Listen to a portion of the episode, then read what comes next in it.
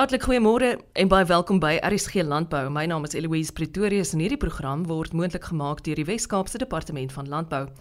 Teenstortingstariewe op ingevoerde hoender, al is dit net voorlopig, bring 'n mate van geregtigheid vir diegene wat al jare daarvoor beklei. En dis volgens die Suid-Afrikaanse Pluimvee Vereniging. Grant Hendriks is uitvoerende raadslid van AMI, die Suid-Afrikaanse Assosiasie vir Vleis in en Uitvoere. Hy verduidelik die implikasies daarvan. Ja, wat gebeur as basies hoe hoendertariewe werk? As jy het jou jou tarief vir basies twee bene om my om my om my tarief totaal op te maak. As jou teenstortingstarief as ook jou normale tarief. Nou jou teenstorting wat uh, die minister nou uh, vir 12 maande basies uh, op hold gesit het is 32% en jou norma normale tarief is 62%. So al jou invoerders het oor 'n uh, hele uh, periode 94% betaal op 'n produk wat ingevoer word en hy tarief is maar basies soos 'n belasting wat jy betaal en dit gaan in die koffers van die regering, you know. So ons weet dat dit belangrik vir die regering om belasting in te voer want dit sou hulle verbeteringe in die ekonomie kan bring. En uh, ons is, ons stem saam dat daar moet definitief heffing teen hoender of enige ingevoerde vleis wees, maar dit moet ook maar tot 'n mate wees want as jy 'n lokale produsente 'n monopolie run en uh alle basies uh die die ingevoerde produk word so hoog ge, ge, gebelas dat dit uh, dit nie bekostigbaar is vir die verbruiker gaan gaan jy 'n probleem hê want jou lo jou lokale produsente 'n monopolie run ons weet wat is die nagevolge van 'n monopolie price fixing mense worry nie altyd van kwaliteit. En uh, ja dit maak dit in in in so wat gebeur is as 'n 'n bietjie kompetisie is tans 15% van uh, alle hoender porsies word in in ingevoer en dit is in lyn met die poultry master plan 85% van die produk word in Suid-Afrika vervaardig. Maar ongelukkig het um, ons nie al die kapasiteit en die effektiewe uh, stelsels in plek om al jou jou, jou verbruikers se uh, benodighede te um, wat hulle nodig om hy commitments te meet vir vir argumente onthou by jou tramets wat gebruik word in in jou fast food industrie. Ons moet dit invoer van uh die buiteland want ons hoenders word 'n sekere grootte gegroei en wat gebeur is omdat dit 'n sekere groot gegroei word, het ons nie die advantage van van jou ander byprodukte vir, vir argumente onthou wat hulle noem as balancing the carcass. Wat dit beteken uh oorsee wat hoe oorsee se maatskappye werk as hulle hulle hulle verkoop jou jou jou prime cuts soos jou jou breast, die wonder breast aan aan die Northern Hemisphere waar waar waar hulle 'n pre, premie kry vir hulle produk en dan jou wings en jou drumsticks uh, en jou leg quarters word uitgevoer en uh, om in 'n wêreldmark te te compete. Dit ons ons kyk na ons effektiwiteit. Ons weet ons het challenges, maar as jy nou die profit margins kyk van jou lokale produsente, dit teken dat hulle baie goed doen, you know. So die die die teenstortingstarief wat van 30% wat weggeneem word is nie net nadeel te bring aan jou vir aan jou lokale produsente nie, maar wat ook gebeur is uh ons moet ook kyk na die sosiale probleme in die land, die die die, die jou jou vervoerkoste, elektrisiteitskoste, lewenskoste is, is basies at 'n all-time high. So wat gebeur is die regering moet na uh maniere kyk hoe om uh, om die sosiale om die impak van die jou, jou rise in in living koste verminder maar ook op 'n manier om nie jou lokale besighede te benadeel nie. So ek glo nie dit gaan die lokale besighede benadeel want as jy na hulle balance sheet kyk, 32% minder maak hulle nog steeds 'n reuse profit. Graad kom ons verduidelik dit asof dit vir die alleman is. Is die prys van hoenderprodukte hoër of laer op hierdie stadium in Suid-Afrika? Op hierdie stadium is hoender vir die, as jy kyk na jou en jou hoenderprodukte het amper jaar na jaar het dit amper 30% uh, verhoog. En die rede vir dit is jou insetkoste. As jy kyk na die kroïne, van meeste van ons uh, feed wat in jou hoenderproduksie gaan, uh, kom vanaf die buiteland en om omdat jou jou hoender uh, chicken feed 'n uh, kommoditeit is, En ons weet mos almal as daar tekort is aan kommoditeite, gaan jou prys van kom kommoditeite outomaties op. Verskaffingskettings in in in Oos-Europa is geweldig geweldig onder druk. En uh, produk kom nie uit Oos-Europa nie. Jou en en is nie net jou hoender jou hoenderpryse wat benadeel word. As jy kyk na 'n 2 liter bottel olie, kosolie, is amper R120 en 4, 5 jaar gelede was dit ja nie eens meer as 50 tot 60 rand. So dit het basies amper 2, 300% opgegaan. So wat is nie dat die hoender die hoenderpryse sal as dit afkom of sal miskien dieselfde bly want soos ek sê daar's 'n tekort. Hoender is ook 'n kommoditeit. Daar's tekort in in in die in die wêreld van van hoenderproduksie as jy op internasionale pryse gaan kyk dink hoender kos jou van Amerika af 1400 uh, dollar per ton so as jy hoender in Suid-Afrika land jou wholesale prices 37 rand excluding VAT so wat gebeur is op die einde van die dag is die regering het gehelp om seker te maak dat die pro, pro, die die prys nie deur die dak skiet nie So die pryse is stabiel. Dit gaan ongelukkig gaan dit nie so SAPA sê dan gaan baie cheap of goedkoop hoender in die land kom is onmoontlik want daar's nie goedkoop hoender beskikbaar in die wêreld nie. Ons bly in 'n global village en al die supply chains van die wêreld is so integrated dat die regering kan net al beste doen om seker te maak dat die ekonomie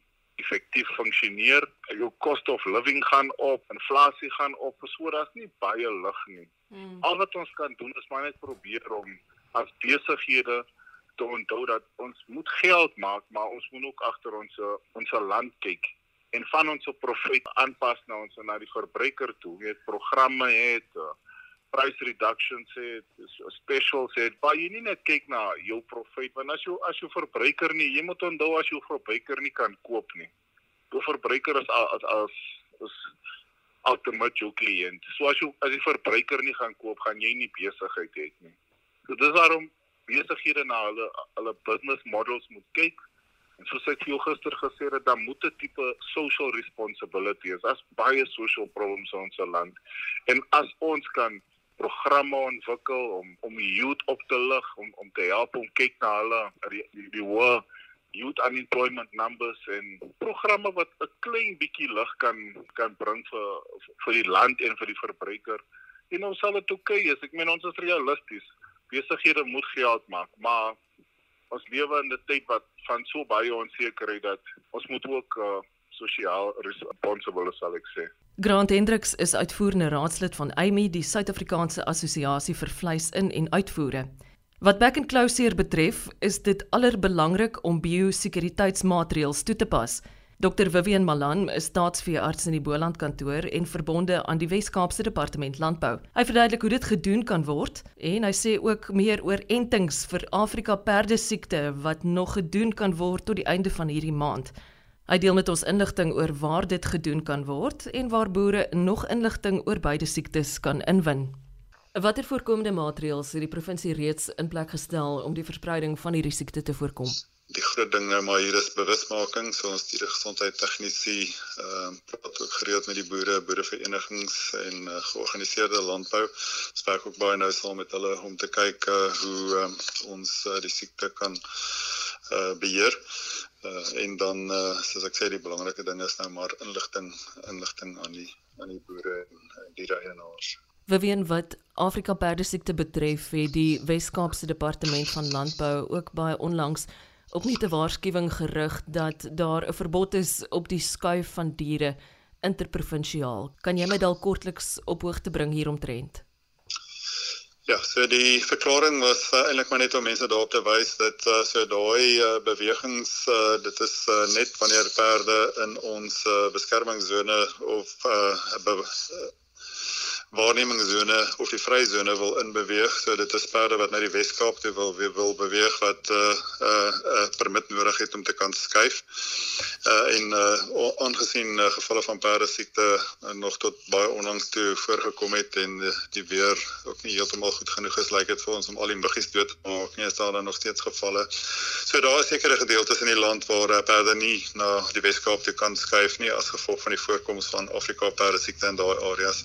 Is daar nog steeds vir ons baie belangrik om seker te maak dat uh die hierdie gedeelte van die Wes-Kaap uh, hier in die Kaapstad area so die waarnemingszone en die vryzone dat daar geen perdesiekte uh, daar kan inkom nie. Is back and closer en Afrika perdesiekte gevaarlik vir mense? Uh so nie een van die twee is uh bekend dat uh, mense dit kan kry nie. Uh, so die enigste ander dier uh, wat al aangetast is met perde siekte Afrika perde siekte is uh, uh is honde. Uh maar dit is ook so dat uh mense as hulle enigstens uh, verdagte letsels in uh, uh diere met claw seer hanteer dat hulle dit met handskoene maar in elk geval moet doen. Wat van zebras? So zebras uh, is een van die diere wat uh, wel die virus kan dra, maar glad nie kliniese tekens wys nie. So donkies uh, en muile is ook redelik weerstandig wat kliniese tekens van perdesiekte betref. So hulle wys uh, ook glad nie die simptome nie, maar uh, zebras dink ek is uh, is 'n belangrike manier hoe die virus uh, tussen areas kan versprei. Ehm um, as as die zebras uh, ook rondskuif. Die Weskaapse Departement van Landbou beywer hulle daarvoor om onder andere wel vir baie dinge, maar ook om boere regoor Suid-Afrika werklik met raad en praktiese wenke te voorsien en om hulle by te staan daarmee. Ek wonder Vivian sou ons nog enige vrae hê of ons wil dalk die gesprek verder voer. Wat is 'n praktiese manier om dit te doen om dalk met jou ook in kontak te tree? Ja, die die plaaslike staatsveldse is maar altyd 'n goeie bron van inligting en daarmee saam ons dieregesondheid tegnisie hier op ons webbladsy uh, www.elsenburg.com. Dis 'n mens dan net aan navigeer na uh, die veeartseny diens gedeelte. Uh, dan is daar 'n kontak kontak gedeelte ook waar uh, die verskillende staatsveearts kantore ge, gelys word. Uh, andersins uh, is mense ook welkom om die staatsveeartskantoor in in die Boland te kontak en die nommer is ook daar op. Vir Afrika perdesiekte uh, is daar 'n uh, ander webbladsy www.myhorse.org.za en uh, baie van die inligting is daar en ook hoe mense kan aansoek doen vir 'n uh, bewegingspermit uh, of uh, dan ook toestemming te kan kry vir die inenting. So ek dink die een ding waar ons nie nog nie gepraat het nie is die inenting van perde in die waarnemingszone en die vryzone. So dit mag net gebeur uh, met toestemming uh, van ons uh, ons vernoot uh, in die in die perdesiekte beheer maatreëls. Uh so en die inligting is ook op hierdie webbladsy beskikbaar. So en daai inentings kan uh, net plaasvind uh, vanaf die 1 Junie uh tot en met uh die einde van September. Dis uh, ook belangrik dat uh die enstof word uh, direk van die onderste poort instituut uh, na die veearts toe gestuur. So as enige iemand hulle perde wil inent met hulle maar met hulle plaaslike staat uh, plaaslike uh, privaat veearts gesels, uh, want dit is al die enigste manier wees hoe mense die inenting uh, in die hande sal kan kry. Uh, albei hierdie siektes het 'n uh, groot uh, ekonomiese impak uh, op uh, die verskillende dele. Ehm um, so vir uh, and closure um, is dit uh, soos ons gesê het ons uitvoerders van diere en dierlike produkte. En dan uh, ook vir uh, die perdesiekte is uh, ons uitvoere van perde uh, hoogs afhanklik van uh, dat uh, hierdie waarnemingszone en die vryzone vry sal bly van perdesiekte. So almal moet asseblief hulle kant bring. Uh soos ons gesê het met uh back and close hier is dit belangrik om al die biosekuriteitsmaatreëls toe te pas en vir perdesiekte om ook uh, al die maatreëls daarna te kom uh wat uh wat daar in plek is om seker te maak dat ons nie besmette perde hier in die vry areas inbring nie. Dr Vivian Malan is staatsveearts in die Boland kantoor en verbonde aan die Wes-Kaapse Departement Landbou. Hierdie is 'n program wat jy gerus kan aflaai na 'n besoek aan www.elsenburg.com.